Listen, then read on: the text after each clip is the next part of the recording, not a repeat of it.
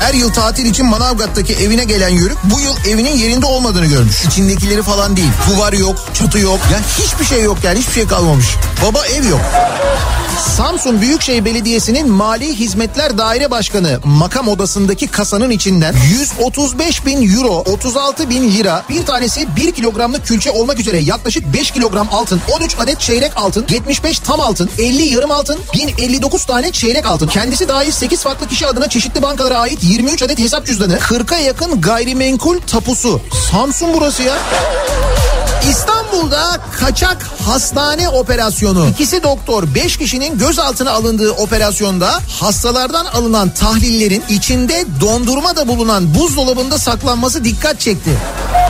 Daiki'nin sunduğu Nihat'la muhabbet hafta içi her sabah saat 7'den 9'a Türkiye'nin en kafa radyosunda.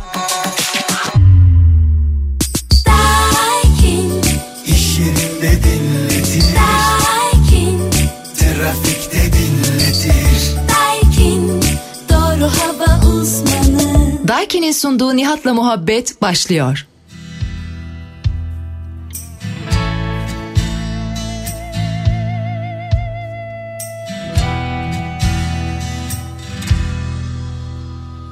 Bir yol var ama her yerde tuzak. Bir yol daha var dönmek de yasak. Deryaya yakın Dünyadan uzak. Deryaya yakın. Dünyadan uzak. Gel vazgeçelim hiç zorlamadan. Sen aklı selim ben yorgun adam. Bir yer bulalım. Dünyadan uzak Bir yer bulalım. Dünyadan uzak. Yine gözümüz yükseklerde. Hayat geçiyor perde perde. Doydum artık bana müsaade. Bir yer bulalım. Dünyadan uzak Yine gözümüz yükseklerde Hayat geçiyor perde perde. Doydum artık bana müsaade. Bir yer bulalım dünyadan uzak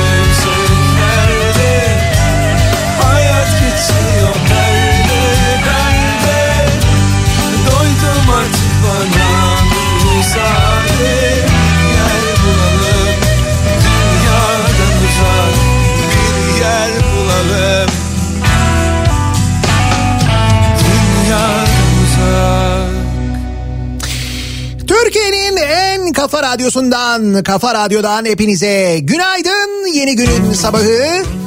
Günlerden pazartesi hem yeni günün sabahı hem yeni haftanın başı. Tarih 3 Mayıs. Aynı zamanda yeni ayın da başlangıcı.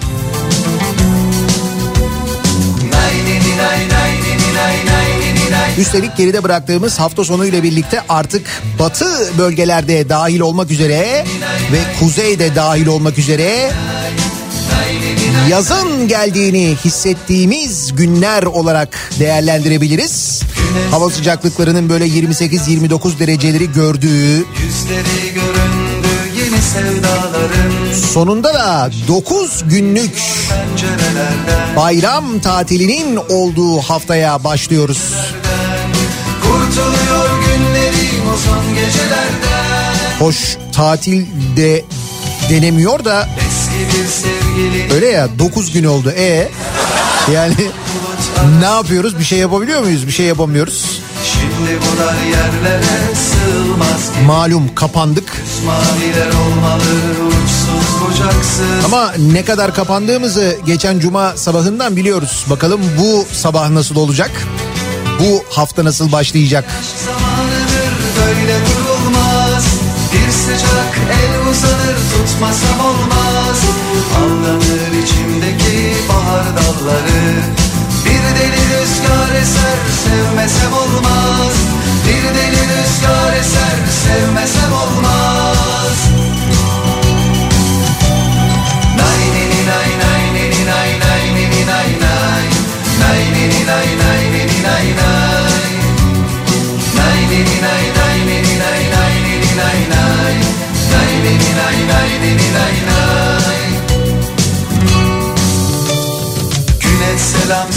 söylediler yaz bulutları.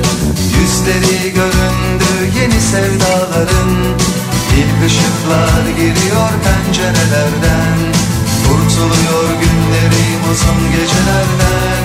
Kurtuluyor günlerim uzun gecelerden. Eski bir sevgilinin dönüşü gibi İki bulut arasında çırpınan yıldız. Şimdi bu dar yerlere sığılmaz gibi. Düz maviler olmalı uçsuz bucaksız. Düz maviler olmalı uçsuz bucaksız.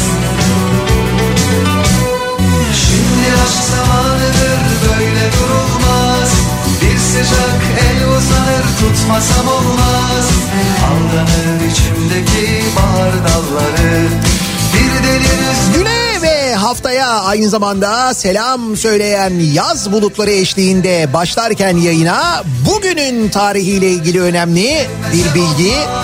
3 Mayıs bugün. Bugün 3 Mayıs ne biliyor musunuz? Dünya Basın Özgürlüğü Günü sevgili dinleyiciler.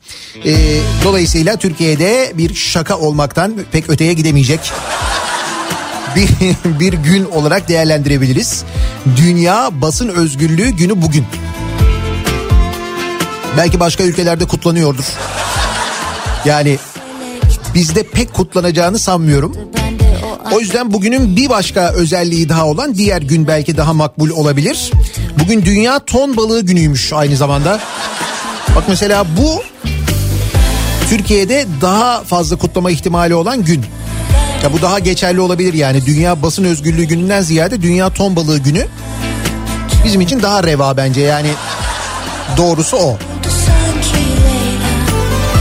Artık bilemiyorum e, nasıl kutlarsınız Dünya Ton Balığı Günü'nü. İftarda belki ton balıklı bir şey olabilir. İşte ötekini biz kutlayamıyoruz o yüzden söylüyorum yani.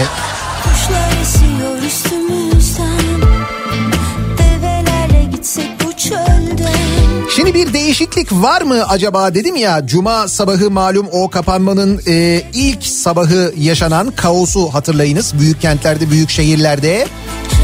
Acaba bunlardan bir ders çıkarılmış olabilir mi? Misal e, yolların daraltılması durumu var ya bazı ana yollarda kontrol noktalarında yolların daraltılması ve buna bağlı olarak oluşan kilometrelerce uzunluğunda kuyruklar. Herhalde bu sabah olmaz diye düşünenler Tıpkı Dünya Basın Özgürlüğü Günü kutlu olsun diyecek kadar naif olan dinleyicilerimiz. Bakıyorum ben yine o kontrol noktaları yine kontrol noktası şeklinde ve yine kontrol yok görünen. Çamlıca gişeler mesela orada yol iki şeride düşüyor. Cuma günü hiç değilse bir polis arabası vardı şimdi o da yok diye yazmış bir dinleyicimiz. Derdine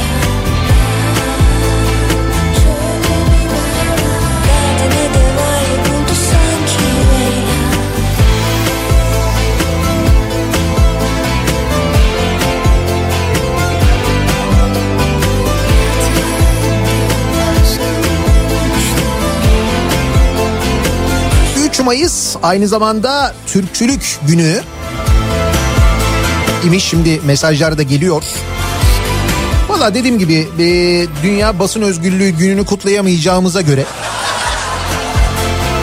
diğer bütün e, günler yani diğer bütün özellikleri bugünün e, kutlanabilir. Öyle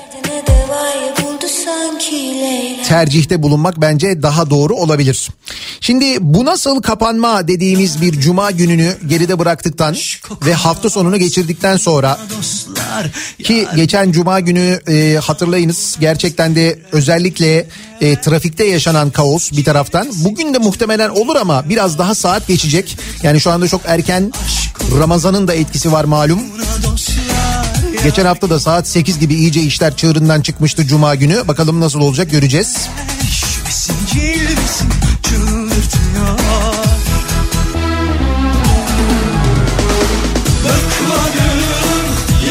Toplu taşıma ile ilgili ciddi sorunlar, sıkıntılar yaşanmıştı cuma günü. İstanbul'da hemen e, hızlıca önlemler alındı, sefer sayıları arttırıldı falan ama bakalım o cuma günü yaşanan kaostan belediyeler ders almış mı onu da göreceğiz.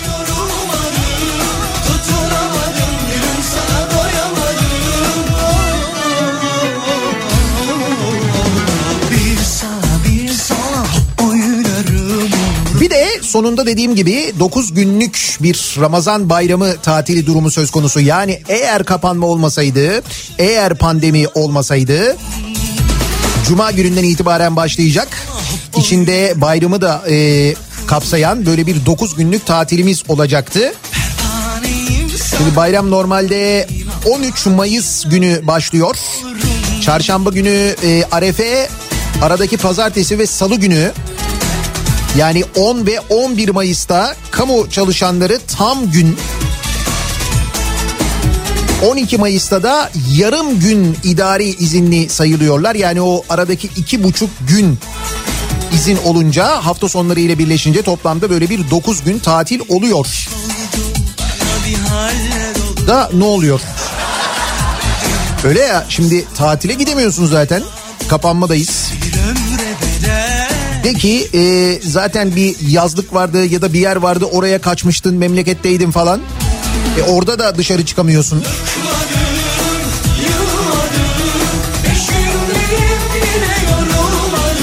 Misal kazara e, baktın birileri denize giriyor sen de girdin.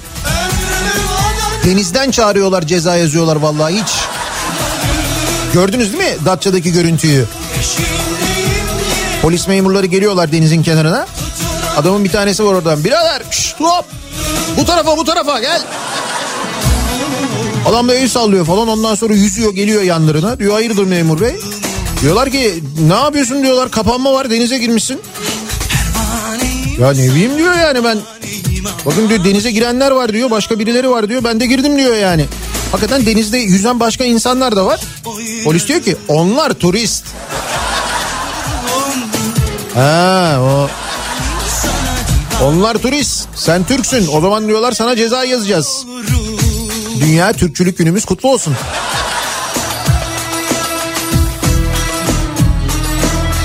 Şimdi bu arada bu izin kağıtları ile ilgili kaos hala devam ediyor. Hala bir e, sıkıntı durumu söz konusu. Cuma günkü kadar ya da hafta sonu kadar olmasa da yine de o izin belgesini girip E-Devlet'ten çıkarmak epey bir meşakkatli.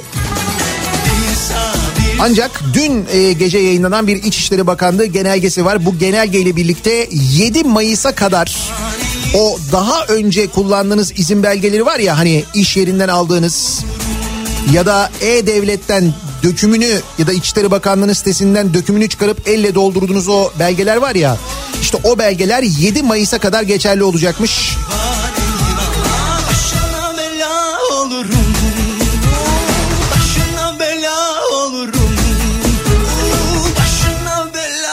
İçişleri Bakanlığı'nın son genelgesine göre e-başvuru sistemi üzerinden belge alamayanların önceki izin belgelerinin geçerliliği e, 7 Mayıs Cuma günü 24'e kadar uzatılmış.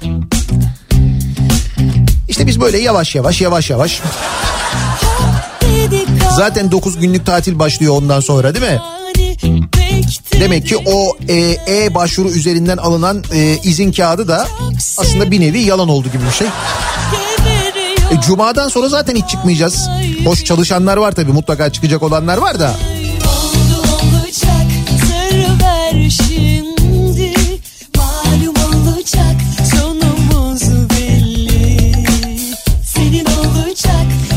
Ne diyordum turistler diyordum Muğla'nın Bodrum ilçesinde hava sıcaklıklarının 35 derecelere ulaşması sebebiyle tam kapanma kuralları delinmiş. Yurttaşlar yasağa karşın sahillere inerek denizde ferahlamayı seçmişler. Yasaktan muaf olan yabancı turistler serbestçe denize girerken ilçede güvenlik güçleri yerli turistlere ceza yazmışlar. Ne enteresan değil mi? Hayır turist nasıl gidebiliyor? Yani neden turiste böyle bir muamele yapılıyor? Turist e, virüs yaymıyor mu mesela etrafa da? Ya da nereden biliyoruz turistin hasta olup olmadığını? Öyle ya bak şimdi mesela 15 ülkeden gelen yolculardan 15 Mayıs'tan itibaren PCR testi istenmeyecekmiş.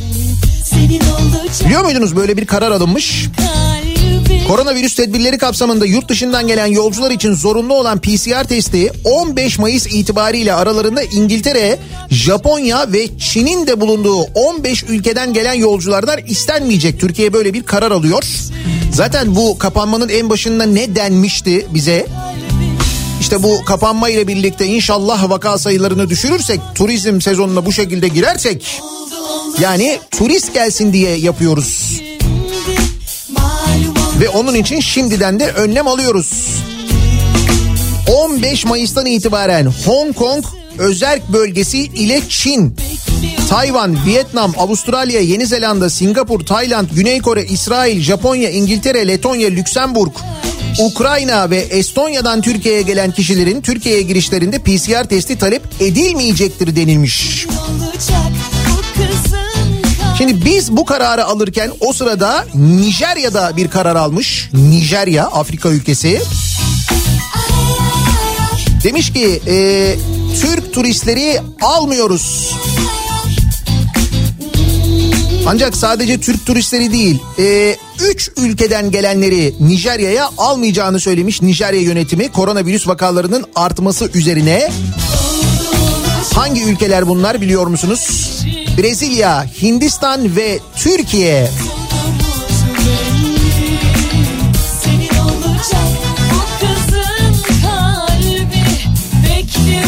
Biz e, turistlerden PCR testi almayı kaldırıyoruz. PCR testi istemiyoruz artık onlardan. Turistlere gelin bakın hafta sonu siz denize girin. Biz girmiyoruz. Girene de ceza kesiyoruz diyoruz. O sırada Nijerya diyor ki Hindistan, Türkiye ve Brezilya'dan gelenleri almıyoruz ülkemize diyor. Afrika ülkesi söylüyor bunu. Neden bu üç ülke? Çünkü bu üç ülke dünyada en fazla vakanın göründüğü ülke. Brezilya ve Hindistan'la aynı seviyedeyiz.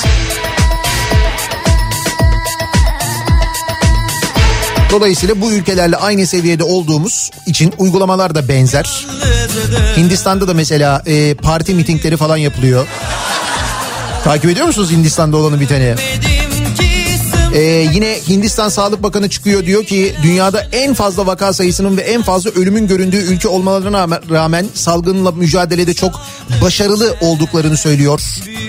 Hindistan Sağlık Bakanı bir kitap eksik onu basmamışlar yani salgınla mücadelede yazılan destan. Onun haricinde Hindistan'la benzeriz. Dönüyoruz Brezilya'ya bakıyoruz. Brezilya lideri neydi? Bolsonaro muydu? Onun salgınla ilgili açıklamalarına, yaptıklarına bakıyoruz. Baya baya benziyoruz yani. O yüzden bu üç ülkede de sonucun böyle olması, sağlık sisteminin bu şekilde tıkanması ve salgının kontrolünün kaybedilmesi üç ülkede de aynı şekilde gerçekleşiyor ya. Ne kadar büyük tesadüf değil mi? Biliyorum,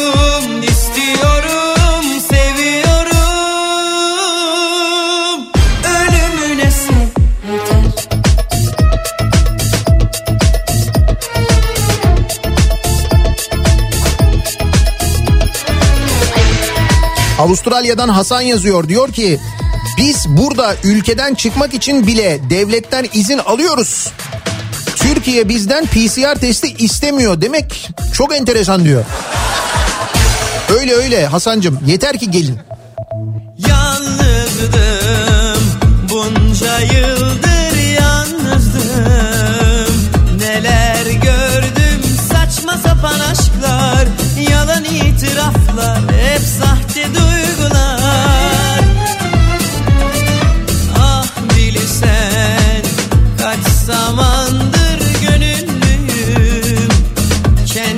Cumartesi günü PCR testimi yapıp Bulgaristan'a geldim.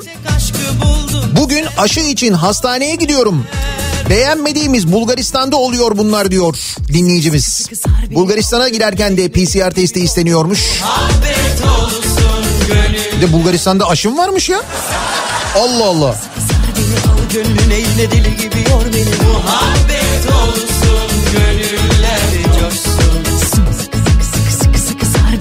gönlüne yine deli gibi yor beni Muhabbet olsun gönüller coşsun Sıkı sıkı sıkı sıkı sıkı sar beni al gönlüne yine deli gibi yor beni Muhabbet olsun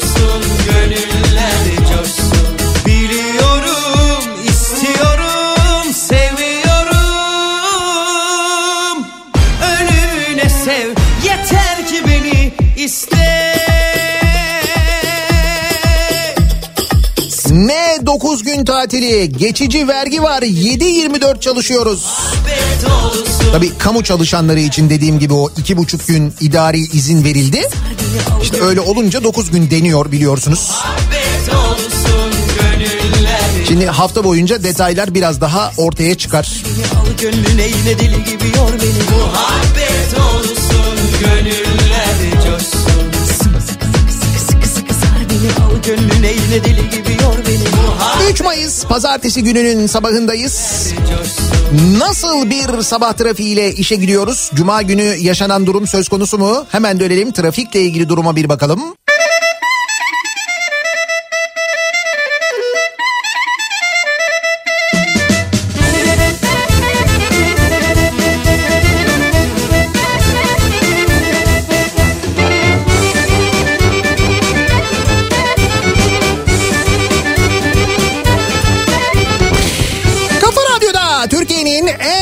Radyosunda devam ediyor. Daiki'nin sunduğu Nihat'la muhabbet. Ben Nihat Sırdar'la 3 Mayıs pazartesi gününün sabahındayız. Geride bıraktığımız haftaya göre daha da sıcak bir hafta bizi beklerken ki yarın bir miktar sıcaklıklar yeniden düşüyor. Bazı yerlerde yağış da bekliyoruz ama hafta ortasından sonra yeniden ısınma var. Bu arada kapalıyız. Hesapta kapalıyız. Ne kadar kapalıyız acaba bu kapanma günleri nasıl geçiyor? Mesela İzmir'de jandarmadan Sabri abi operasyonu gerçekleşmiş. Sa- Sabri abi operasyonu. Operasyonun ismini Sabri abi koymuş jandarma. İzmir Bornova'da jandarma ekipleri bir hayvan çiftliğinin kumarhaneye döndürüldüğü bilgisini almış. Orwell'in kulakları çınlasın. Hayvan çiftliği kumarhaneye döndürülmüş. Onu da kumarhane yaptık biz. İsmi neymiş kumarhanenin 1984? Ormanlık alandaki mekana Sabri abi isimli operasyon yapıldı. Adresi abluka altına alan jandarma kaçan kişileri de yakaladı. Çok sayıda pul, tombala kağıdı, rakamların çekildiği makina ve televizyonlar ele geçirildi. 60 kişi yakalanmış. Colpacino filminden alınan bazı fotoğrafların kumarhane duvarlarına asılması dikkat çekti. Filmde Sabri abi rolündeki Aydemir Akbaş'ın resminin altında argo kelimeler yazıldığı görüldü. O yüzden operasyon ismi Sabri abi olmuş demek ki. İstanbul Arnavutköy'de de önceki gün bir kıraathanenin açık olduğu ihbarını alan polis baskın düzenledi. Masada oturan dört kişi önce maç izlediklerini daha sonra iskambil kağıtlarıyla fal baktıklarını söyledi. Yok memur bey ne 51 ya fal bakıyoruz biz. Ne çıktı falda? Vallahi ceza çıktı geldi yani hakikaten. Doğruymuş fal.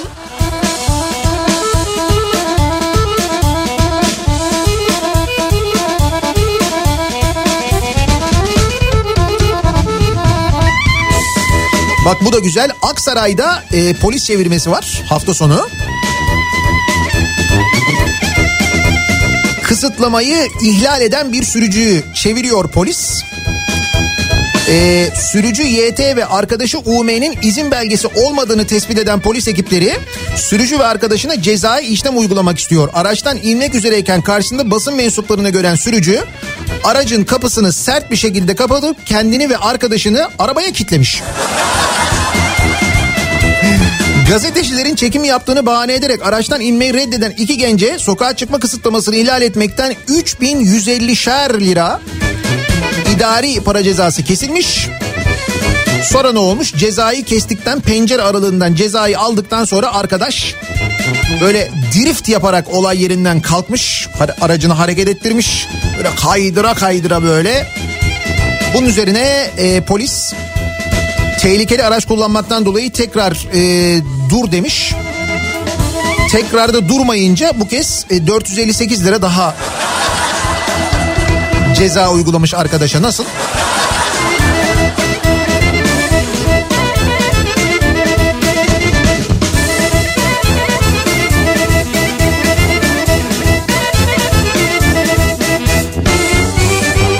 Bu kadar hadise olmuş Aksaray'da, İzmir'de, Arnavutköy'de, Esencilis'ten bir haber yok mu derseniz derim ben de yani. Sizce Esencilis'ten haber olmayabilir mi? Merdiven altı kürtaja suçüstü. Esenyurt'ta kaçak kürtaj ve hacamat yapılan iş yerine baskın düzenlendi. Zabıta ekipleri Bağlarçeşme mahallesindeki bir iş yerine girip çıkanların fazla olmasından şüphelendi. İş yerine baskın yapan ekipler mekanın kaçak kürtaj ve hacamat yapmak için kullanıldığını belirledi. Durum hemen ilçe sağlık müdürlüğü yetkililerine bildirildi. Gelen görevliler içerideki kişilerin kürtaj ya da hacamat için gelenler olduğunu belirledi. İş yerinde yapılan aramalarda doğum malzemeleri bulundu. Mutfağın da laboratuvar olarak kullanıldığı belirlendi. Mutfak dolaplarından birinde kullanılmış nargile bulundu. Laboratuvarda. Suriyeliler tarafından işletildiği belirlenen iş yeri mühürlendi. Esencilis'ta sıradan bir gün.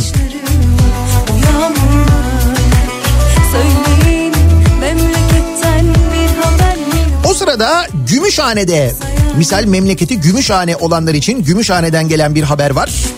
Şöyle ikinci dipsiz göl faciası engellenmiş. Hatırlıyor musunuz Dipsiz Gölü? Dipsiz Göl'ün dibinde define var diye gölü boşaltıp bir de şey Roma askerleri bilmem kaç bin yıllık gölün dibine dalmışlar. Roma zamanı düşün eski Roma İmparatorluğu zamanı. Doğu Roma İmparatorluğu zamanı. O dipsiz gölün dibine dalıp oraya bir de üstelik kazıp hazine yerleştirmişler. Bu arkadaşlar da buna inanmışlardı ve e, gölü boşaltmışlardı. Gitmişti dipsiz göl. 12 bin yıllıktı tamam hatırladım. 12 bin yıllıktı o dipsiz göl. Benzer bir olay e, bu kez Ordu'da yaşanmış. Bu da Ordulular için haber. Aşıklı şelalesinde define aramak için Ordu Valiliğine yapılan başvuru yönetmeliğe uygun olmadığı için reddedilmiş. Dipsiz Göl faciasının ardından define arama başvurularına ÇED raporu şartı getirilmişti. 12 bin yıllık göl gittikten sonra.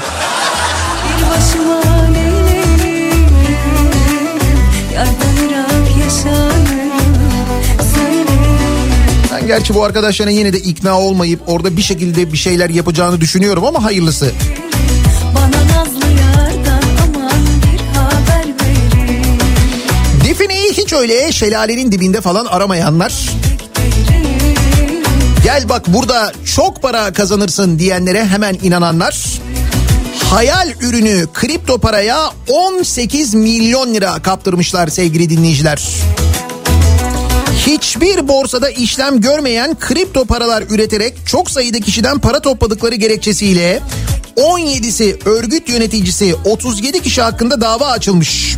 haber verin Suç örgütünün CoinSpace isimli şirket adı altında S-Coin, First Coin isimli kripto para ürettikleri bu kripto paraların gelecekte çok değerleneceğini Bitcoin gibi araçlara yatırım yapanlara oranla çok yüksek tutarlarda kazançlar sağlayacağını vaat ettikleri belirtilmiş. Sanıkların mağdurlardan yatırım adı altında paralar toplayarak haksız kazançlar elde ettikleri ifade edilmiş. Bakmaya doymadım o Kaç kişi buna inanmış dur bakayım.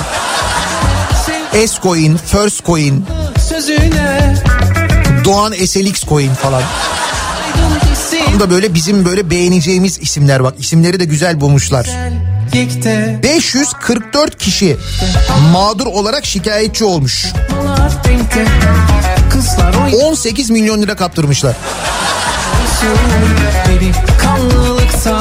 Bak diğerlerine S coin verdik sana SLX coin veriyoruz. Bunu özel olarak özel bilgisayarlarda üretiyoruz. Bu diğerlerinden çok daha fazla kazandıracak. Mesela bunu yiyen olur mu? Bir tahmin et olur mu? Karşıdan gösterdin o beyaz teni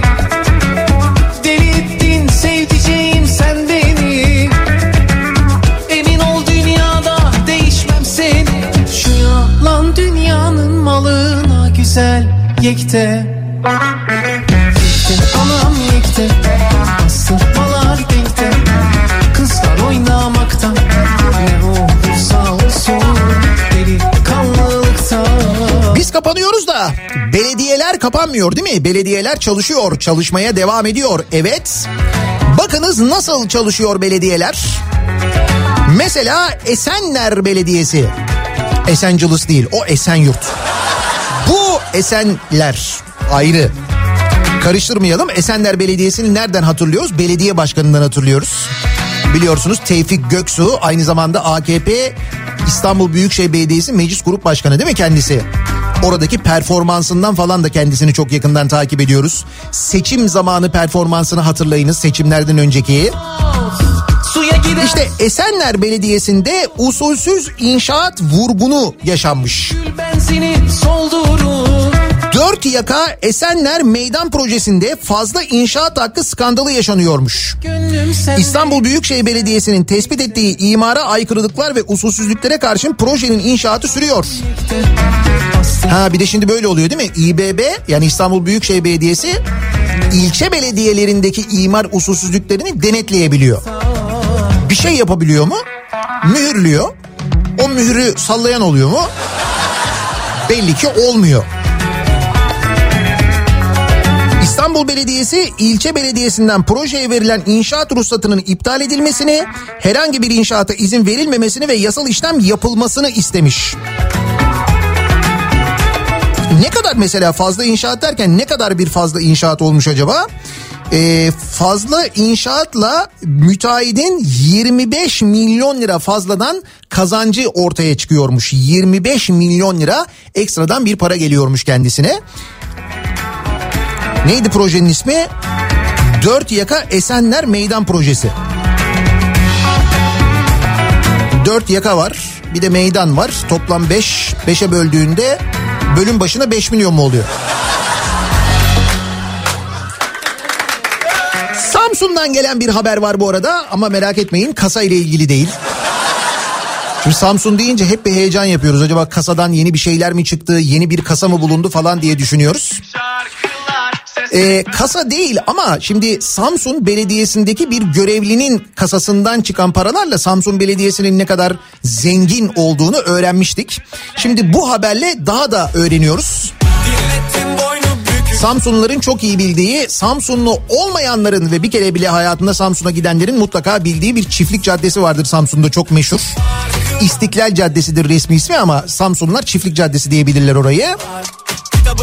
Şimdi bundan 5 sene önce Samsun Büyükşehir Belediyesi kentin en işlek caddesini yani çiftlik caddesini granitle kapatmış. Yerlere böyle granitler döşemiş. Epey de böyle büyük para harcamışlar. Böyle sevmeden anlamazlar 25 milyon lira harcamışlar. Az önceki Esenler'de müteahhitin yaptığı kar var ya fazladan. Ha işte onun gibi 25 milyon lira harcamışlar. 5 sene önce 25 milyon büyük para. Sonra ne olmuş? Sonra belediye başkanlığı seçimi olmuş. Yeni belediye başkanı gelmiş. O da AKP'li. Şimdi e, Çiftlik Caddesi'ndeki granitleri 25 milyon lira harcanan granitleri kırdırmış. Ne yapıyormuş? Yerine asfalt yapıyorlarmış. Nasıl? Caddemiz daha konforlu olacak demiş. Bilmiyorum yatarak gideceksiniz herhalde. Daha ne kadar konforlu olabilir? Granit çok sert geldiyse demek ki belki ondan mı? uyansam düşün Samsun'daki zenginlik gerçekten de göz kamaştırıyor. Kıskanıyoruz Samsun'u adeta.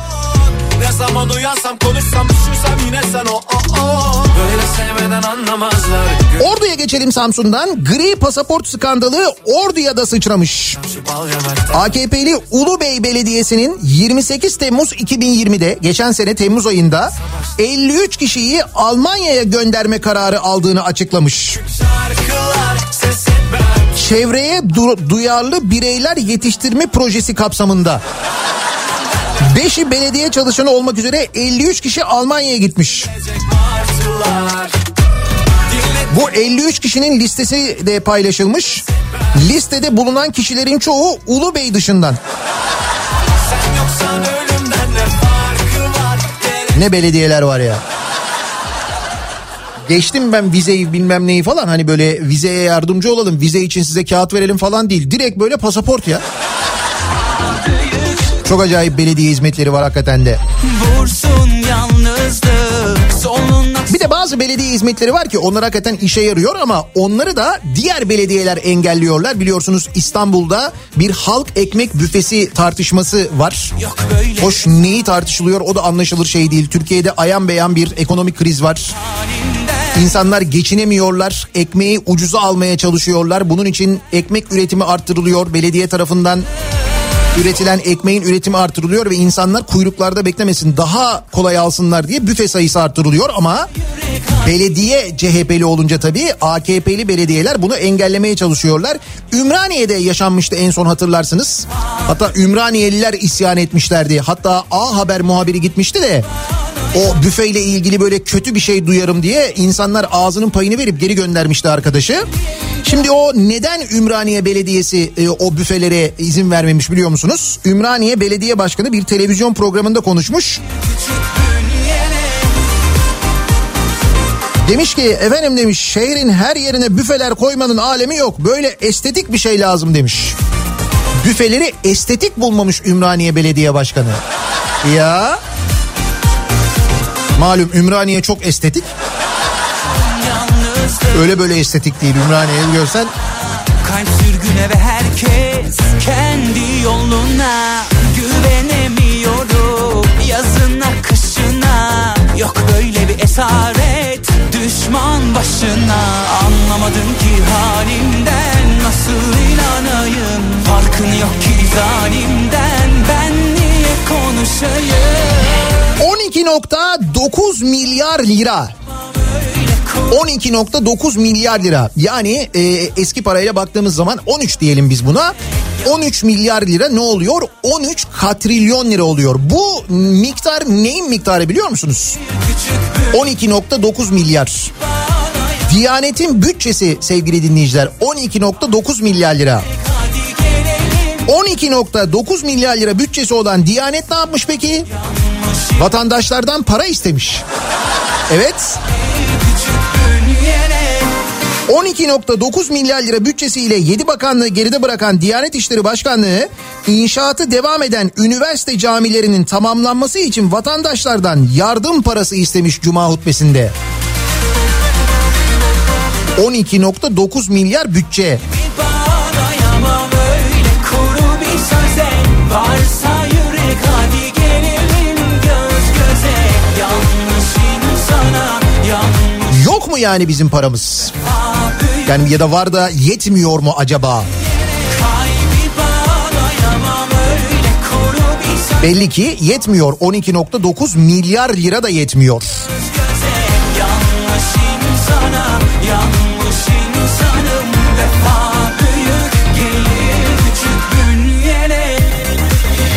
Geçtiğimiz cuma günü işte kapanmanın ilk günü gidemiyoruz kalabalık böyle mi kapanma olur izin kağıdı bilmem ne falan filan derken cuma günü yaşanan bir kaos daha vardı. Bir çek kaosu yaşandı.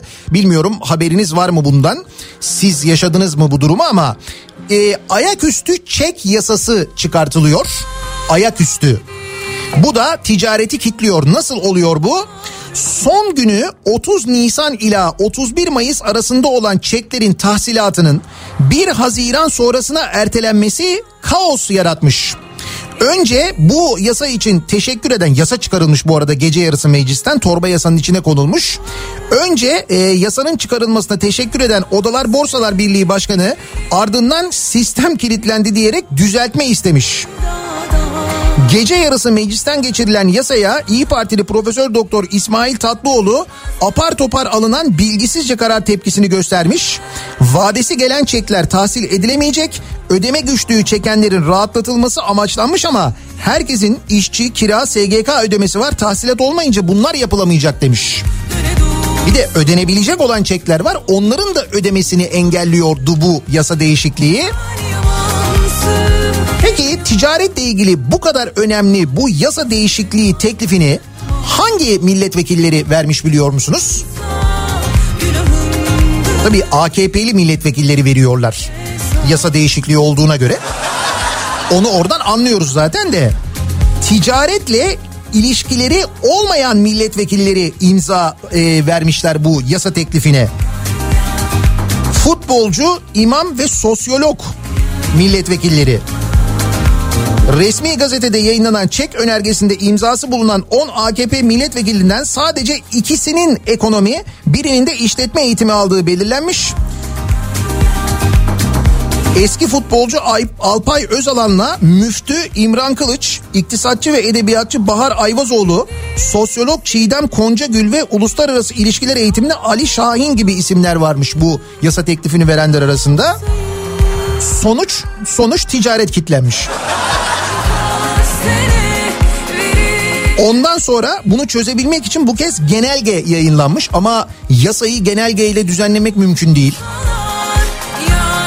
Kaosu önleme adına alelacele hazırlanan tebliğin yayımlandığı resmi gazetenin tarihi de yanlışlıkla 30 Nisan 2021 çarşamba diye yazılmış. Onu da yanlış yazmışlar.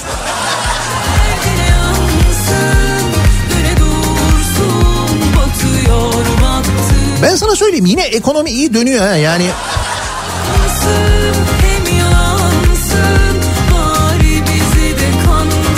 ehil ellerde olduğu için herhalde. Mesela bir ticaret bakanımız vardı biliyorsunuz. Ne ticaret bakanıymış yalnız neler neler çıkıyor geçen hafta konuştuklarımızı hatırlayın. Şimdi bir de e, hafta sonu Ruslar Pekcan'la ilgili bir bilgi daha çıktı. Bakanlık bütçesinden kiralanan evin tadilatı için 380 bin lira e, harcanmış. Oda TV'nin haberi bu da. Ruslar Pekcan bakan olduktan sonra bakanlığa yakın bir ev kiralanıyor. Sonra o evin içine 380 bin lira harcanıyor.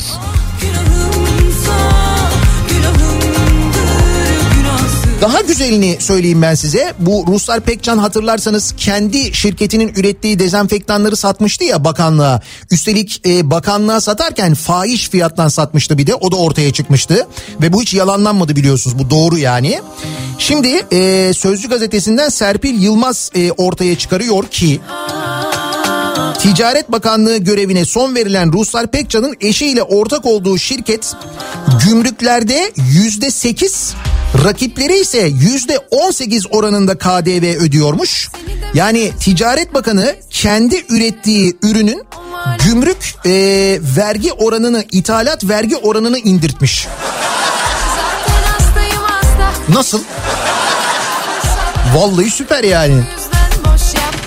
En azından bakan çalışmış diyebilir miyiz? Çünkü çalışmış yani. Neticede bu da ticaret.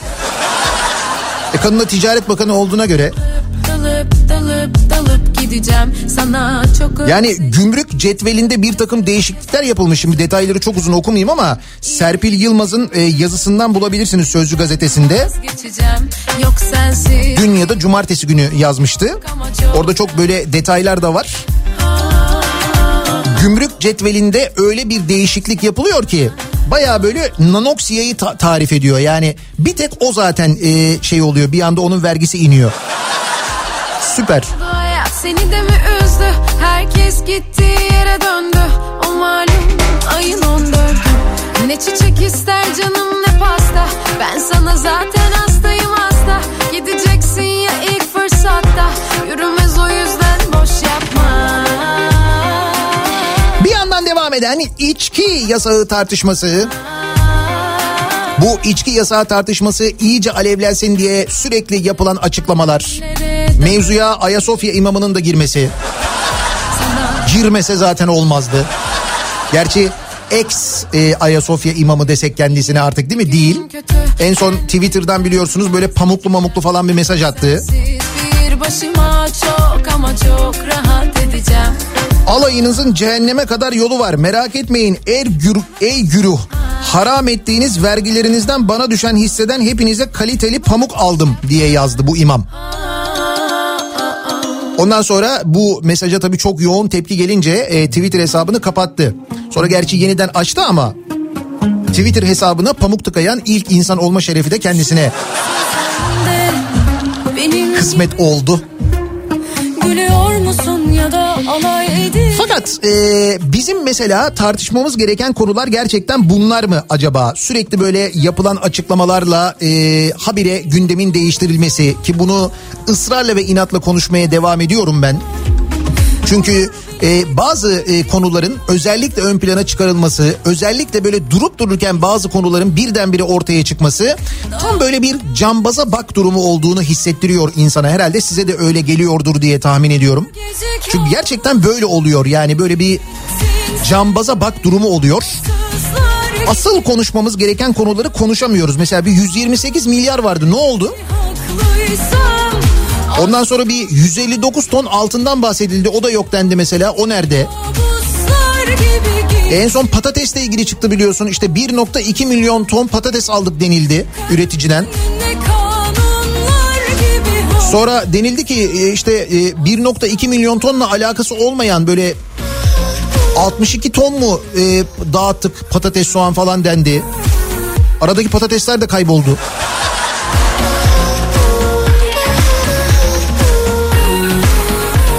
Yani aslında konuşmamız gereken konular bunlar mı acaba? Yoksa mesela e, ekonomiyle ilgili yaşadıklarımız ekonomik kriz mi acaba? İnsanların mesela esnafların e, canlarına kıymaları mı acaba konuşmamız gereken konular? Ya da mesela e, intihar eden esnaflarla ilgili geçim sıkıntısı yüzünden intihar eden insanlarla ilgili mesela Malatya AKP Battalgazi Belediye Meclis Üyesi Leyla Keleş'in bu intiharlardan iktidarı sorumlu tutanlara hükümete havlıyorlar demesi mi acaba konuşulması gereken konu nedir? Gece kabuslar gibi gittin sen de vefasızlar gibi Çıkarım önüne kanunlar gibi Yani ülkenin gerçek gündemi nedir acaba? Konuşulması gereken konu nedir acaba? Çözülmesi gereken sorun nedir acaba? gibi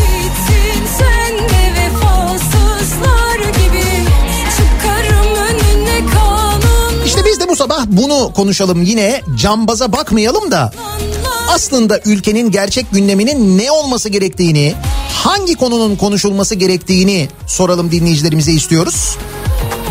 O nedenle konu başlığımızı ülkenin gerçek gündemi olarak belirliyoruz. Neyi konuşmalıyız? Ülkenin gerçek gündemi ne olmalı? İçki yasağı, kapanma, izin kağıdı alamama, pamukçu imam falan mıdır? Bizim memleket olarak konuşmamız gereken konular nedir sizce diye soruyoruz. Ülkenin gerçek gündemi bu sabahın konusunun başlığı oluyor. Sosyal medya üzerinden yazıp gönderebilirsiniz mesajlarınızı. Twitter'da böyle bir konu başlığımız, bir tabelamız, bir hashtagimiz an itibariyle mevcut. Buradan yazıp gönderebilirsiniz. Arzu ederseniz WhatsApp hattımız 0532 172 52 32 0532 172 kafa. Buradan da yazabilirsiniz. Acaba ülkenin gerçek gündemi nedir diye soruyoruz. Reklamlardan sonra yeniden buradayız.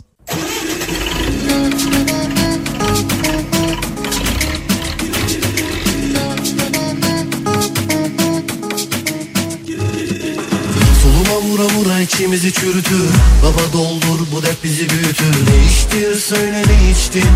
Giden mi? Baba değişti söyle Soluma vura vura içimizi çürütür. Baba doldur bu dert bizi büyütür. Ne içtir söyle ne içtin? Giden mi? Baba değişti söyle Gözüm arkada yollarda O şimdi hangi kollarda? Gidecek bir sürü yol var da Baba sür bizi sonlarla. Gözüm arkada yollarda şimdi hangi kollarda Gidecek bir sürü yol var da Baba bizi sonlarla Kafa Radyo'da Türkiye'nin en kafa radyosunda devam ediyor. 3 Mayıs pazartesi gününün sabahında Daiki'nin sunduğu Nihat'la muhabbet. Ben Nihat Sırdar'la. Baba sür bizi sollarlar diyor şarkı. Süremiyoruz ancak tıpkı cuma günü yaşanan Trafik kaosu bu sabahta benzer bir şekilde yaşanıyor. Yine kontrol noktaları, kontrol yapılmayan kontrol noktaları, daraltılan e, yollar ve buna bağlı olarak yaşanan acayip trafik. ikinci köprüde durum şu anda öyle. Anadolu Avrupa geçişi kilit. Mahmut Bey gişeler öncesi iki yönde de kilit. Tam bir kapanma yani tam böyle. Gözüm arkada yollarda Bu şimdi hangi kollarda Gidecek bir sürü Ülkenin gerçek gündemi nedir acaba diye soruyoruz bu sabah. yollarda Bu şimdi hangi kollarda Gidecek bir sürü yol var da Baba sür Yani konuşmamız gereken konu ne acaba? Pamukçu imam mı mesela? 128 milyar dolar mı? Ruslar Pekcan mı? Yoksa hükümete havlayanlar mı? Öyle diyor Malatya'nın AKP'li belediye meclis üyesi hükümete havlıyorlar diyor. Hayatına e, kasteden hayatına son veren geçim sıkıntısı yüzünden e, intihar eden esnaf var. Bu hafta sonu iki esnafla ilgili haber vardı bilmiyorum gördünüz mü? O haberlerde hükümeti eleştirenlere böyle diyor. Hükümete havlıyorsunuz diyor.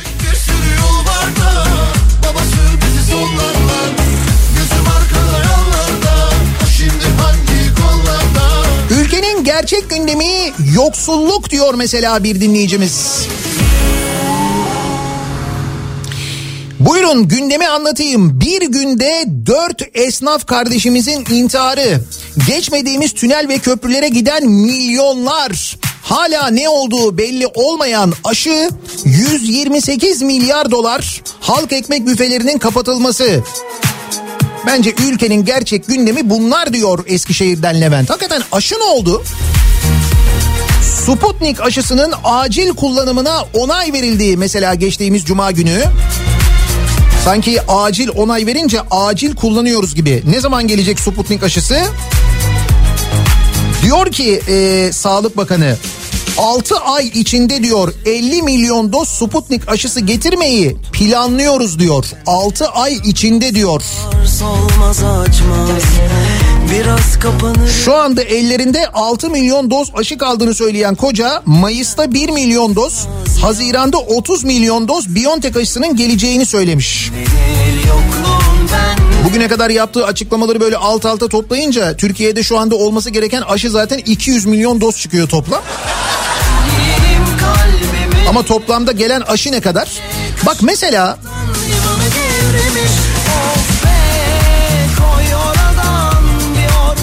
aşısı ile ilgili bir sözleşmeden bahsediliyordu en başında değil mi? Namına Bir tokuşturalım. Sözler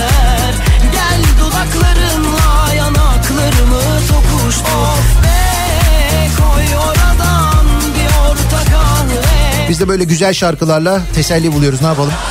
Ülkenin gündemi böyle olunca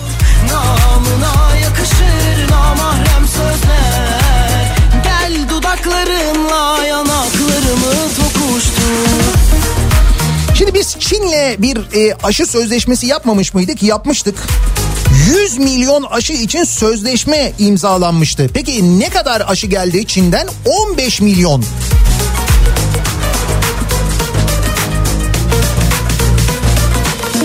...100 milyon doz için sözleşme imzaladık, parasını ödedik açıklamalarına rağmen Çin'den bugüne dek zar zor 15 milyon doz aşı alınabildi.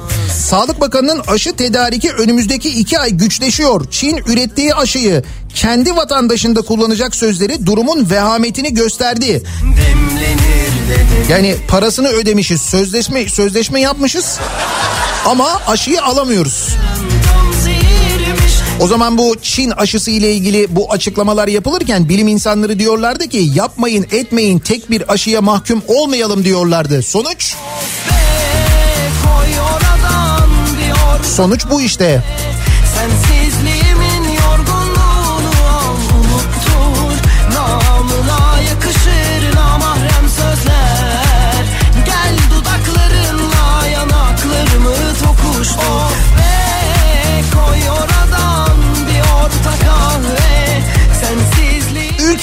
Gerçek gündemi aşı, intihara sürükleyen geçim darlığı 128 milyar dolar. Aslında bunların konuşulması gerekiyor diyor bir dinleyicimiz. Ülkenin gerçek gündemi 3Y ile gelenler. Üçünün de tersini yaptılar. Neydi 3Y onu sormalıyız diyor Sezer. Hakikaten neydi 3Y? Yolsuzluk, yoksulluk ve yasaklardı değil mi 3Y? Şimdi bu üç konuda geldiğimiz noktaya bakalım mesela. Yolsuzlukla ilgili hangi noktaya geldik? Arşa. İşte en son e, Ticaret Bakanı'nın kendi bakanlığına mal satması ile ilgili mi konuştuk mesela? Ya da ne bileyim ben e, belediyeler eliyle gri pasaportla insan kaçakçılığı yapılmasını mı konuştuk mesela? Pudra şekerini mi konuştuk mesela? Kripto vurguncularını mı konuştuk mesela? Bak bugün hepsini Sözcü gazetesi derlemiş. Birinci Y buydu değil mi? Yolsuzluk. İkinci Y neydi? Yoksulluk. Peki yoksullukta hangi noktadayız?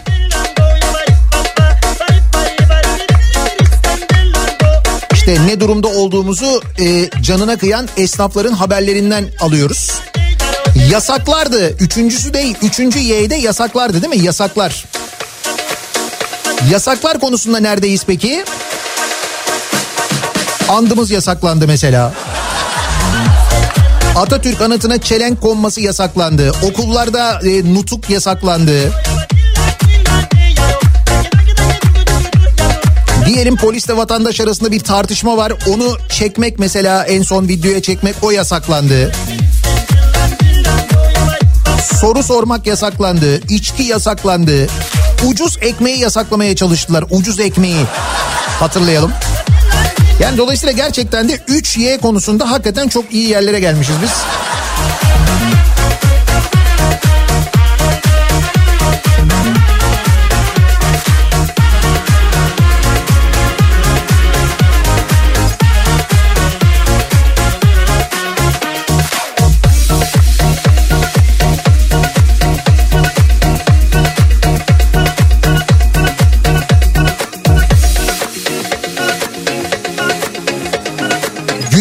Konuları gündemde tutmazsak gündem olmaktan çıkar diyor Murat Aydın'dan. Ayrıca gündemde tutmanın bir işe yarayacağına inanmıyorum. Öyle demişti değil mi Sağlık Bakanımız? Bu Sinovac aşısına giden para nerede diye soruyor dinleyicimiz. Ama tabii bu da sorulmaz şimdi. Para nerede? Çin'de. Aşı nerede? Çin'de. Para nerede? Çin'de.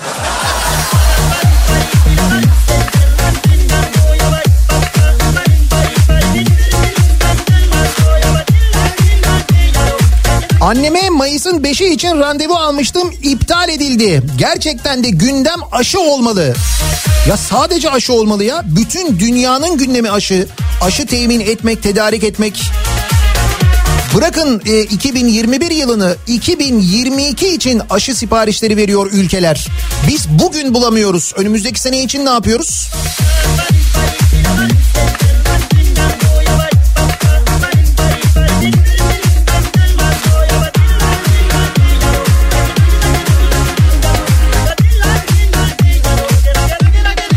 35 yıllık meslek lisesi mezunu elektrikçiyim. E, malum maddi sıkıntı olmasa benim iş yerim duruyordu. Maalesef seyyar elektrikçiyim artık iş yerimi kapatmak zorunda kaldım. Bu yüzden de sokağa çıkıp işe gidemiyorum. Yaşımdan dolayı işe de almıyorlar.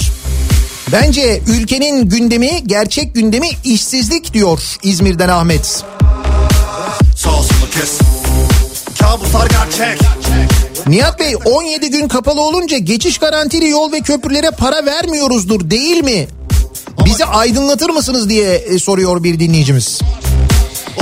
Ben sizi aydınlatayım. Elbette 17 gün kapalı olmamıza rağmen geçiş garantili köprülerin geçiş garantilerini ödüyoruz. Bu da bence dev bir hizmet. Evde oturduğumuz yerden kapalı iken bile köprüden geçebiliyoruz. Tünelden geçebiliyoruz, otoyoldan geçebiliyoruz. Yani aslında kapalı değiliz. Öyle düşünün. Kaçış yolun olmaz Sağ kes sonra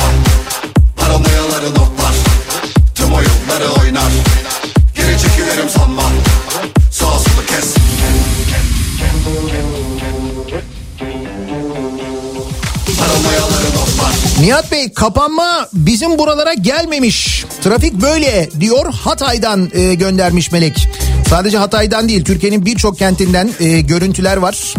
Fotoğraflar var. Sabah trafiğiyle ilgili videolar geliyor dinleyicilerimizden. Hiç öyle kapanmış gibi değil. E ben size söyledim 16,5 milyon işçi çalışıyor mesela. Üretim devam ediyor. Sağ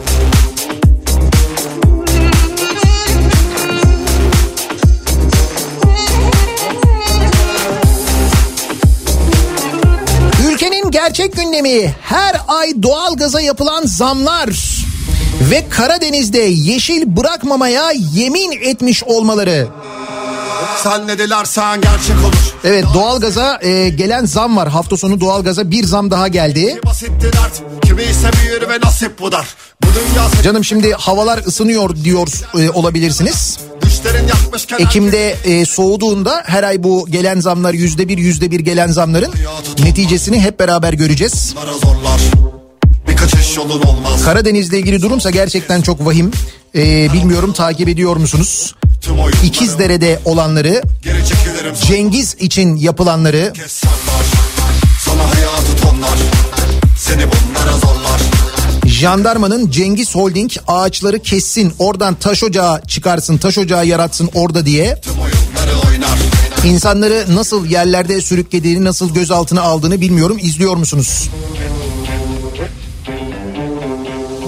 Paranoyaları noklar Sağ solu kes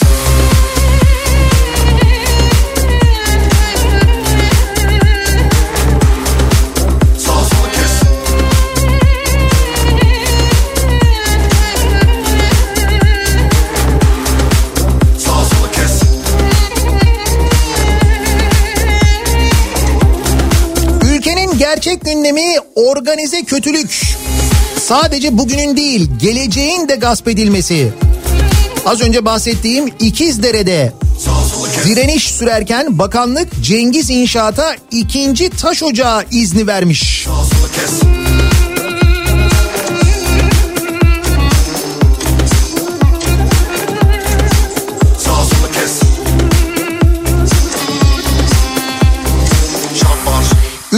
gerçek gündemi ekonominin halidir. Semt pazarlarına gidilince belli olur. İşsizlikten evine ekmek götüremeyen insanlar, intihar eden esnaflardır gündem. Bildiğin yoksulluktur gündem tek kelimeyle. Yoksulluk o 3 Y'den biriydi değil mi? Bir kaçış olmaz Sağ kes sonra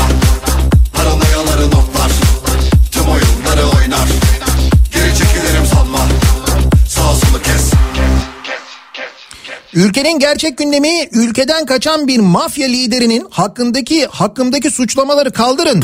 Yoksa video çekip anlatacağım diye ülkeyi tehdit etmesidir. Öyle bir şey de mi oldu ya? Olmuş mudur? Olmuştur bence.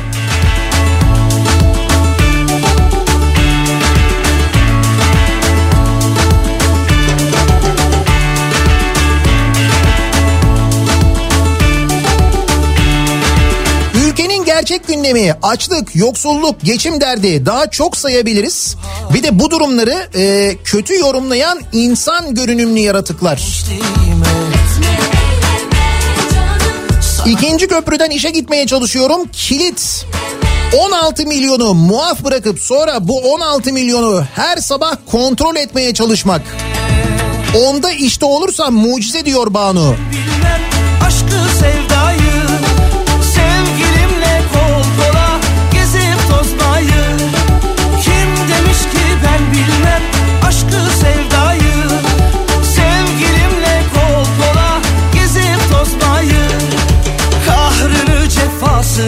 Ülkenin gerçek gündemi komşu komşunun içki içip içmediği değil, tok yatıp yatmadığı olmalı.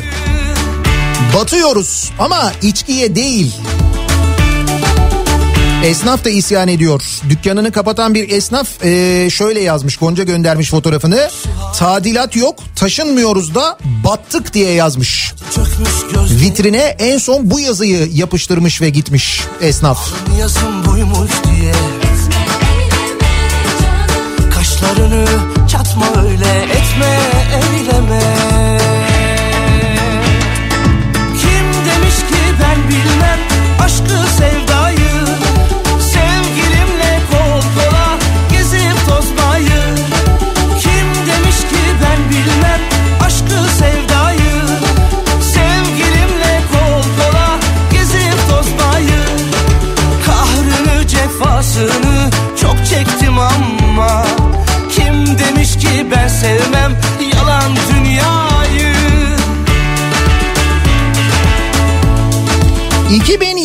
2021 sağlık çalışanları yılı ve sağlık çalışanları için hiçbir şey yapılmadı.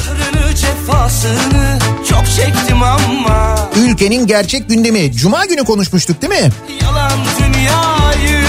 Röntgen e, teknisyenlerinin mesela fazla mesai ücretlerinin Sağlık Bakanlığı tarafından geri istendiğini, maaşlarından kesinti yapıldığını, neydi? Haklarını ödeyemiyorduk değil mi? Ödemiyoruz zaten. Maslak'ta kontrol eziyeti. Neresi burası? Maslak'ta da yol daraltılmış. Orada da trafik duruyor. Dediğim gibi kontrol yapılmayan kontrol noktaları ve buralarda yaşanan aşırı trafik, aşırı yoğunluk. Bayağı bildiğiniz şu anda sabah trafiği yaşıyoruz biz söyleyeyim size. Ülke genelinde kapama var.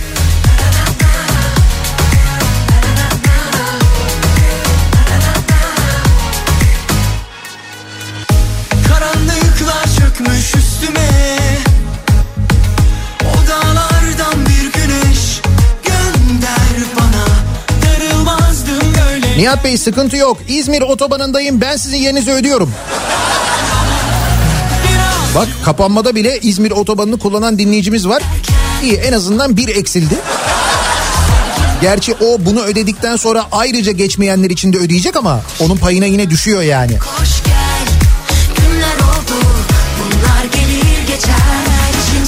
Bu akşam Nihat'la Sivrisinek'te canlı yayındayız. Merak edenler, özleyenler için söyleyeyim. Akşam 18 haberlerinden sonra yine Sivrisinek'le birlikte mikrofon başındayız.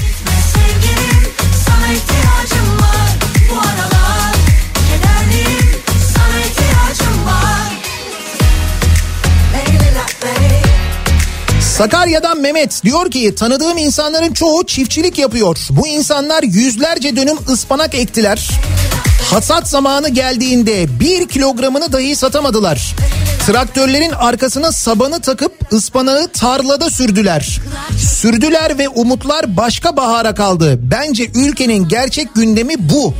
Sadece ıspanak eken mi? Hayır. İşte e, tarlasına patates, soğan eken de aynı şeyi yaptı. Ürün tarladayken tarlayı sürmek durumunda kaldılar. Ve o sırada çiftçilere dair bir haber. Kayseri'den gelen bir haber var bugün mesela. Kayseri'deki traktör dağıtımında ayrımcılık iddiası. Kayseri Belediye Başkanı Büyük Kılıç 5 ilçe ziraat odasına birer adet traktör verecekti. Dördünü verdi. Birini ise başkanı Büyük Birlik Partili olduğu için vermediği belirtildi. Traktörü alamayan Akkış'ta Ziraat Odası Başkanı Sedat Eraslan ben AKP'den ayrılıp BBP'ye geçtim. Traktörü vermediler. Bizim traktörü ilçenin AKP'li belediye başkanına verdiler diye isyan etmiş. E, e, vatandaşa dağıtılmak için alınan patateslerin hangi üreticilerden alındığı ile ilgili cuma günü konuşuyorduk hatırlayın. Orada da particilik var. Bu aralar çok dertliyim Sana ihtiyacım var Aman gitme sevgilim Sana ihtiyacım var Bu aralar çok dertliyim Sana ihtiyacım var Ülkenin gerçek gündemi parasını ödediğimiz uçağı alamıyoruz. Parasını ödediğimiz aşıyı alamıyoruz. Parasını ödediğimiz yoldan geçemiyoruz. O zaman biz bu paraları niye ödüyoruz?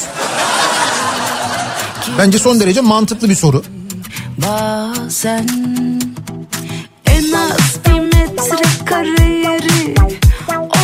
Bayram sonu gözünüz aydın vakalar sıfırlandı derlerse şaşırmam valla olacağına bak diyor bir doktor dinleyicimiz. Vaka sayılarında böyle bir azalma var değil mi? Test sayılarında da var aynı zamanda. Ama bakıyoruz mesela vefat sayılarında bir düşüş yok. sevdim.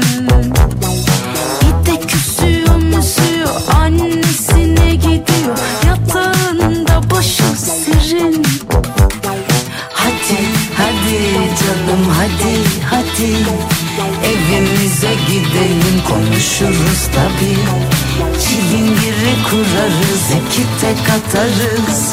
Birisi nasipse duruma bakarız. Yani nanay nanay canım nanay nanay. Nanay nanay gülüm nanay nanay.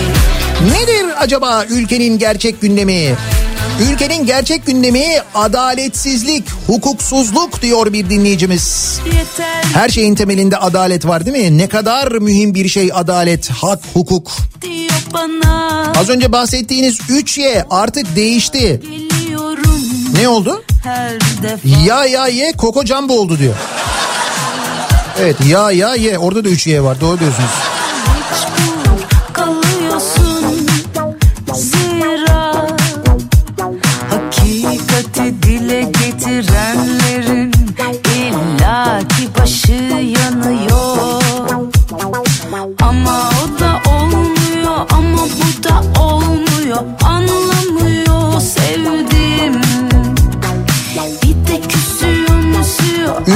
Gerçek gündemi işsizlik, pandemi, yoksulluk, yolsuzluk değil. Ayasofya'nın yeni imamı. Onun yeni imamı da mı belli olmuş? Evimize gidelim konuşuruz tabi Pamuktan anlıyor muymuş? O aranan kriterler arasında anladığım kadarıyla da o yüzden soruyorum. duruma bakarız yani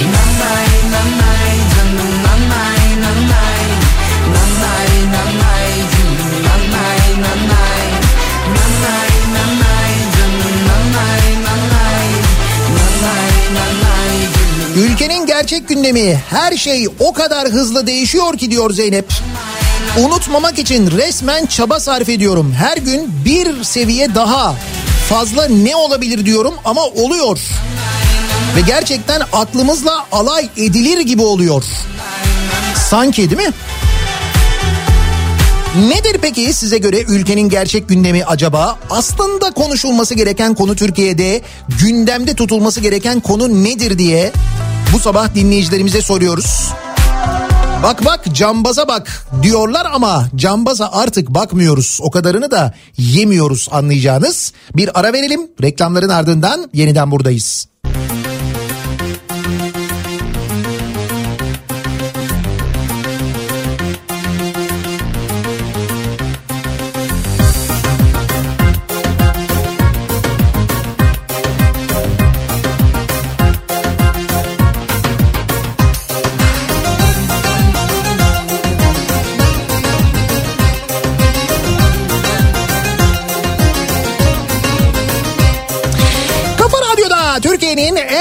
Radyosu'nda devam ediyor. Daiki'nin sunduğu Nihat'la muhabbet. Ben Nihat Sırdar'la 3 Mayıs pazartesi gününün sabahındayız. Dünya Basın Özgürlüğü Günü bugün. Türkiye'de basının ne kadar özgür olduğunu düşününce bugün aynı zamanda Dünya Ton Balığı Günü. Ee, onu kutlamak bence daha mantıklı. Yani basın özgürlüğü günündense ton balığı günü daha efektif en azından öyle söyleyebilirim. Çünkü mesajlar geliyor dinleyicilerimizden dünya basın özgürlüğü gününüz kutlu olsun diye falan da. Dalga mı geçiyorsunuz gerçekten mi kutluyorsunuz? Hadi gir sar beni Çal et beni Medyaya göre ülkenin gerçek gündemi aslında ülkede yoksulluk, açlık yok, israf var. Evet bugün e, Hürriyet gazetesinin manşetinde böyle bir haber var. Çöp topladım, israfı gördüm. Yoksulluğu gördün mü? Yok onu görmemiş. Faruk Bildirici'nin e, son kitabını e, okudum bitirdim de e, okumanızı öneririm. Şundan dolayı öneririm. E, Hürriyet gazetesinin gerçek bir gazete olmaktan bugün bulunduğu yere nasıl geldiğini bizzat gazetenin içinde uzun yıllar ombudsmanlık yapmış bir insan olarak anlatıyor Faruk Bildirici. Ve böyle e, şeyle be- belgeleriyle falan üstelik orada e, işte hakkında yazdığı isimlerin verdiği cevapları da e, koymuş kitabın içine. Mutlaka e, okumanızı öneririm. Yani e, amiral gemisinden nasıl böyle bir her tarafı delik e, filikaya döndüğünü adım adım öyle güzel anlatmış ki Faruk Bildirici. Şimdi hürriyeti görünce aklıma geldi. Ancak böyle işte bir yerde görünce aklıma geliyor zaten. Çal fikrimi deli et beni Fırtınalar kopar içimde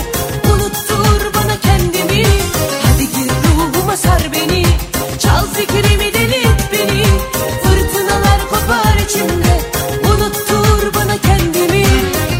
Var diye biz işe gidemezken ülkemize PCR testi dahi istenmeden gelen turistlerin böylesine rahat davranması ülkenin gerçek gündemi olmalı.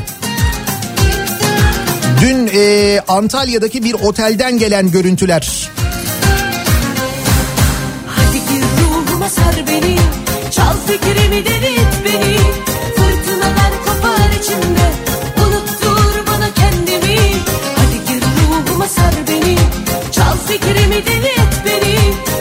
Ülkenin gerçek gündemi nedir?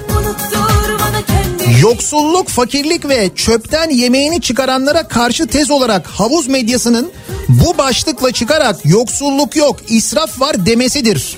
Organize kötülük e, öylesine büyük ki birilerinin paraları sosyal medyalarda fışkırıyor, diğerinde para yok mesela. E, Seyfi de bu Hürriyet gazetesinin bugünkü manşetini göndermiş. E, aslında işte böyle hani çöpten yemek toplayanlar yok, çöpte israf var. Bu mesaj alttan alttan veriliyor. Çünkü bu haberin manşetten verilmesinin başka bir açıklaması yok doğru.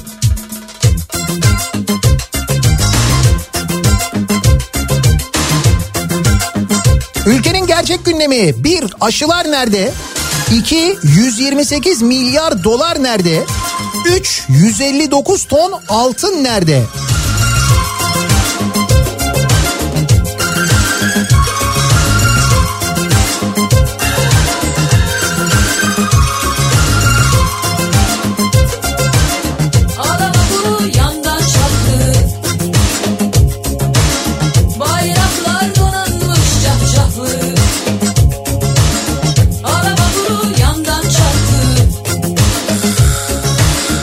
İnsanlar cenazelerine 10 kişiyle gidebilirken bazı cenazelere kalabalıklar halinde katılınması. Bizi kıskanan Avrupa ülkesinin prensinin cenazesine bile katılınması yasakken üstelik. Ve hala devam ediyoruz değil mi bu protokol cenazelerine? Üstelik tam kapanma varken ülkede sözde.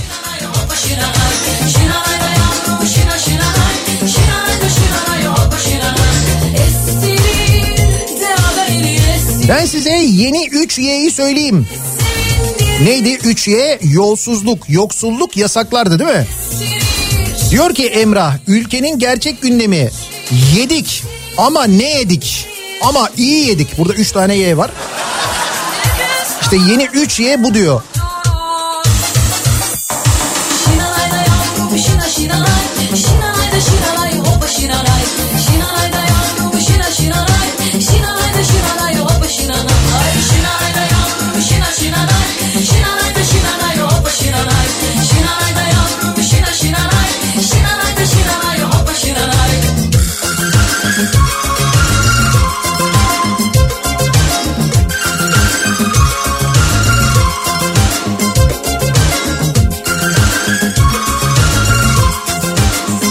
Burası neresi? Burası Antep.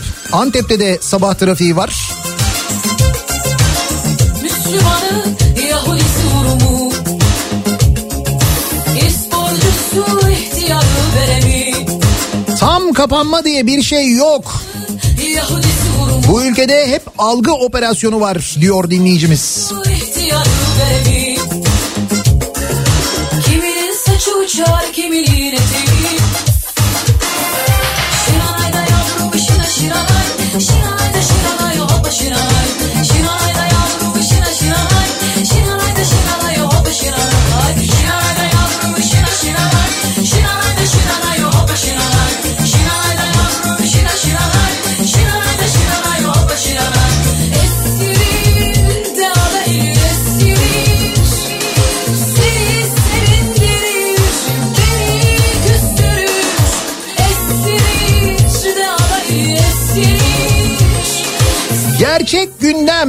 gerçek gündemi.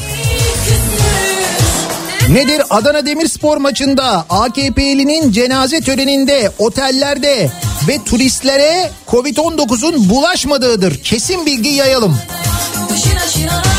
Evet bazı maçlarda, bazı cenazelerde, bazı otellerde asla olmuyor değil mi?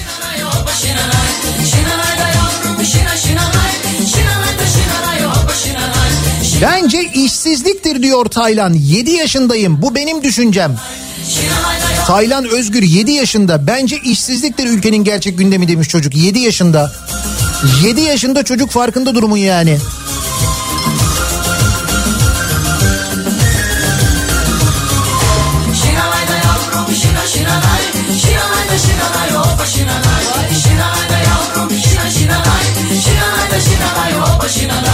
Çamlıca Gebze yönünde polis kontrolü var. Ama polis herkese geç diyor. Kontrol var mı? Var evet yani işte evet bu sabah saatlerinde trafik tıkanmasın diye böyle yapılıyor. E o zaman niye orada öyle bir kontrol noktası oluşturulmuş durumda? O da ayrı mevzu zaten. Bursa Acemler Kavşağı'nda da trafik çok kötü e, diye yazmış bir dinleyicimiz. Ya diyorum ya e, bayağı bildiğiniz bir sabah trafiği yaşanıyor. Aynı şey akşam da olacak muhtemelen. Ülkenin gerçek gündemi yıllardır verdiğimiz vergilerin nerelere gittiğini yavaş yavaş öğrenmeye başlamamız. Yakın zamanda hepsini de öğrenebiliriz umuyorum diyor Emre. Ya bugün e, Murat Ağırel yazmış. Şu hani İstanbul Büyükşehir Belediyesi e, el değiştirdikten sonra yeni başkan Ekrem İmamoğlu e, arabaları dizmişti yeni kapıya hatırlıyor musunuz? Şimdi o arabaların kimlere tahsis edildiğiyle ilgili bilgileri e, paylaşmış da Murat Ağırel kimler kimler var? Belediye kimlere arabalar vermiş biliyor musunuz? Bir de benziniyle menziniyle falan benzini de belediye veriyor. Arabayı da belediye veriyor. Kimilerine şoförü de vermiş. Onu yarın sabah biraz daha detaylı konuşuruz. Lakin cümbür cemaatin diline düştün sen cemaatin Çocuk hekimiyim. Adana'dan Ceyhan'a gidiyorum şu anda. Sabah trafiği otobandaki araç sayısı aynı. Kimi kapadılar anlamadım diyor Mehtap. sen Ama belakin cümbür cemaatin pek hoşuna gittin sen Ülkenin gerçek gündemi kontrolsüz normalleştirme.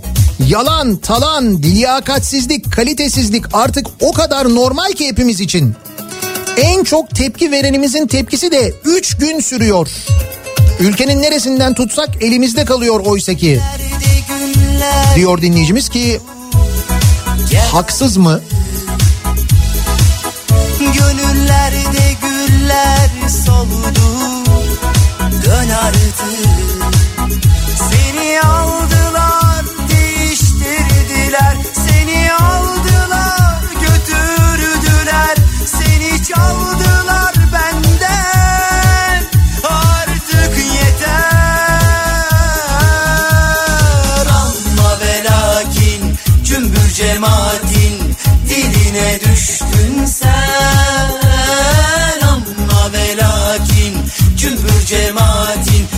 Boşuna gittin sen Seni aldılar değiştirdiler Seni aldılar götürdüler Zamanında Dicle Üniversitesi 4000 yıl yetecek ilaç alımı yolsuzluğu yapmıştı. Aşı konusunda da Türkiye nüfusunun bin katı aşı alınarak millete bir şok yaşatılmasını bekliyordum ama olmadı diyor Halil. Sen Yapamadık değil mi bu e, aşı meselesini? Çözemedik, çözemiyoruz. Ama e, salgınla mücadelenin kitabını yazdık mı? Yazdık.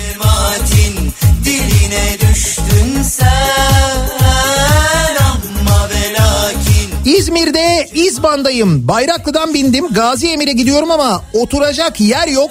Ayakta ve normalden kalabalık gidiyoruz.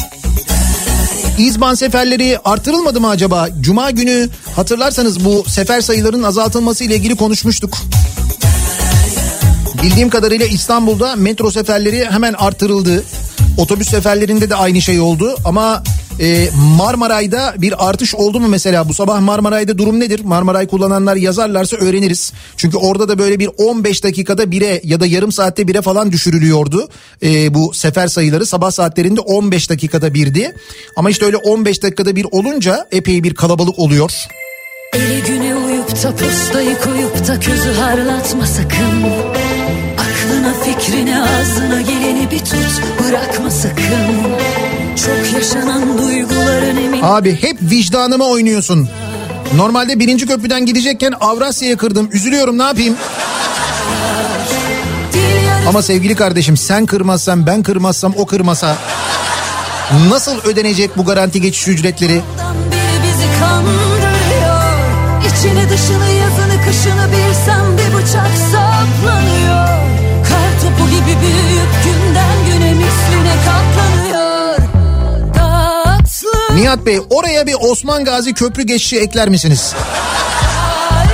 Yazdım sizi de yazdım merak etmeyin. Ataşehir İzmir otoban ücreti an itibarıyla 370 lira. Ataşehir'den çıkmış İzmir'e gitmiş bir dinleyicimiz 370 lira ödemiş. Burası neresi? Ankara Mevlana Bulvarı. Duruyor.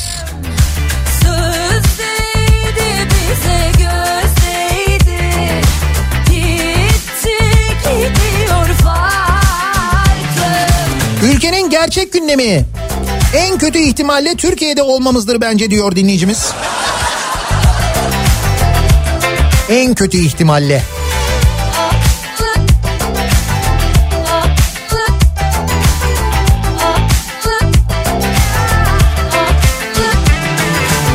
Amerika'da aşı olanların yüzde sekizinin ikinci dozu olmamasını konuşuyormuş Amerika.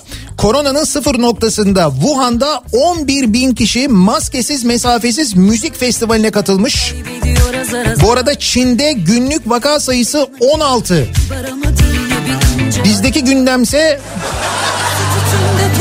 ne ararsan var ne ararsan var ama aşı yok. Öfke baldan biri bizi kandırıyor İçini dışını yazını kışını bilsem de bıçak saplanıyor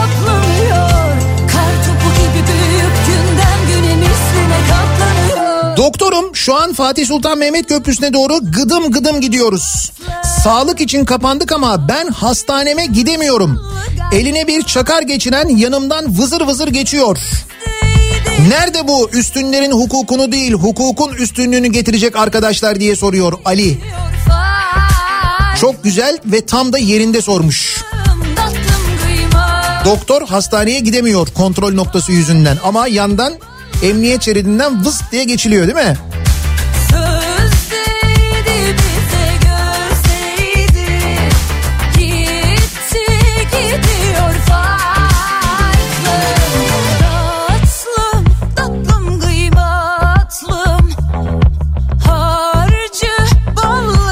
Bursa Acemler burası. O orada da fena. Ümitköy Köprüsü Ankara. Eskişehir yolu. O orası da fena. Merak etmeyin Ankara'da ya da İzmir'de kendinizi yalnız hissetmeyin. Her yerde aynıyız.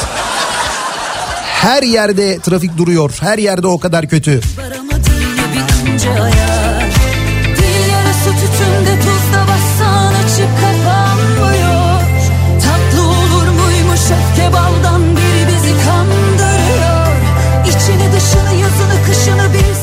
otobandan ee, merkeze bütün otoban çıkışları kapalı. Sadece Kandıra çıkışı açık. Orada da Kocaeli Büyükşehir Belediyesi yol yapımına başlamış. Ha bir de bu İzmit çıkışlarında böyle bir problem varmış.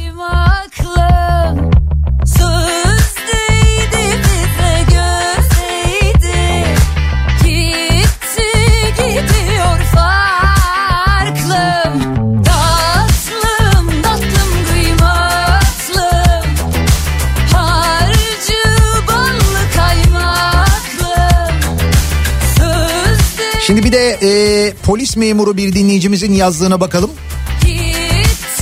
Bu kontrol noktaları ile ilgili diyor ki insanları memnun etmek mümkün değil. Polis memuruyum. Her yönüyle aslında ciddi ciddi kontrol ediyoruz. Çoğunlukla vatandaş tam yanımıza gelinceye kadar hiçbir evrak ve kimliği hazırlamıyor. Sana polis ne soracak? Ehliyet, kimlik, izin belgesi. Harçlığın var mı diye soracak halimiz yok. Öyle olunca da tabii kuyruklar uzuyor. Yani o evrakların çıkarılması, hazırlanması son dakikaya bırakılınca diyor e, trafik uzuyor. Bu sefer de trafik çok uzun oldu diye yani kuyruk çok uzadı diye vatandaş mağdur olmasın diye trafiği salıyoruz. Bu sefer de e ne oldu kontrol yok deniyor. Yani anlayacağınız insanları hiçbir şekilde memnun edemiyoruz. gidiyor farklım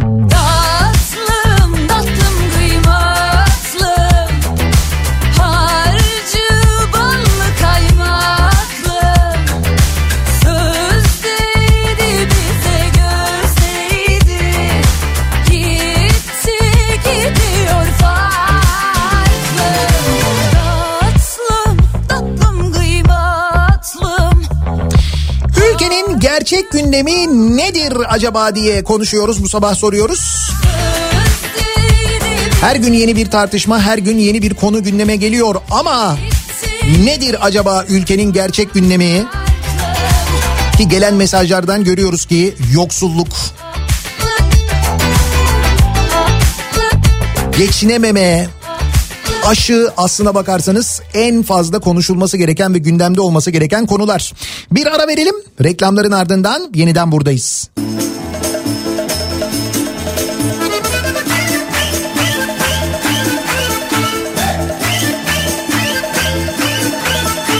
Çoktandır anladım senin gözün dışarıda Eskisi gibi bağlı değilsin bana Gelmem bu oyuna bırakmam yanına. Ne işler açarım başına.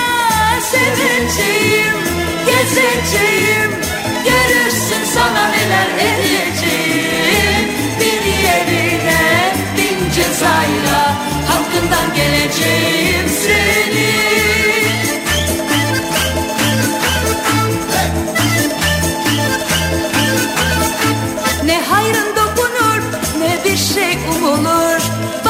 Başkası sende bilmem ki ne bulur. Elinden uçanla bir kaçan kurtulur. Bugün seversin yarın unutur. Seveceğim, gezeceğim. Görürsün sana neler edeceğim. Bir yerine bin cezayla Hakkından geleceğim seni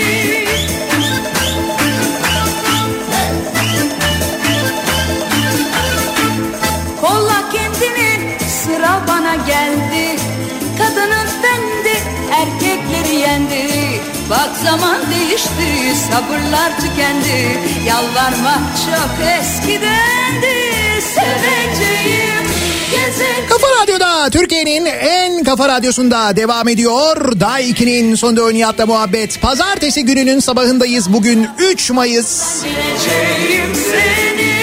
Kapanma var hesapta. Yine yollar tıklım tıklım. Birçok noktada trafik var. Üstelik kontrol noktaları bu nedenle ağır ilerleyen, adım adım ilerleyen bir trafik. Bak zaman değişti sabırlar tükendi Yalvarmak çok eski Peki gündemde ne var? Birazdan Kripto Odası'nda Güçlü Mete sizlere aktaracak. Ülkenin gerçek gündeminin ne olduğunu konuşmaya çalıştık. Belki duymadınız bilmediklerinizi anlatmaya haberiniz olmayan şeyleri anlatmaya çalıştık. Bu akşam 18'de 18 haberlerinin hemen ardından Kafa Radyo'da Sivrisinek'le birlikte yeniden bu mikrofondayım. Yeniden görüşünceye kadar sağlıklı bir gün, sağlıklı bir hafta geçirmenizi diliyorum. Hoşçakalın.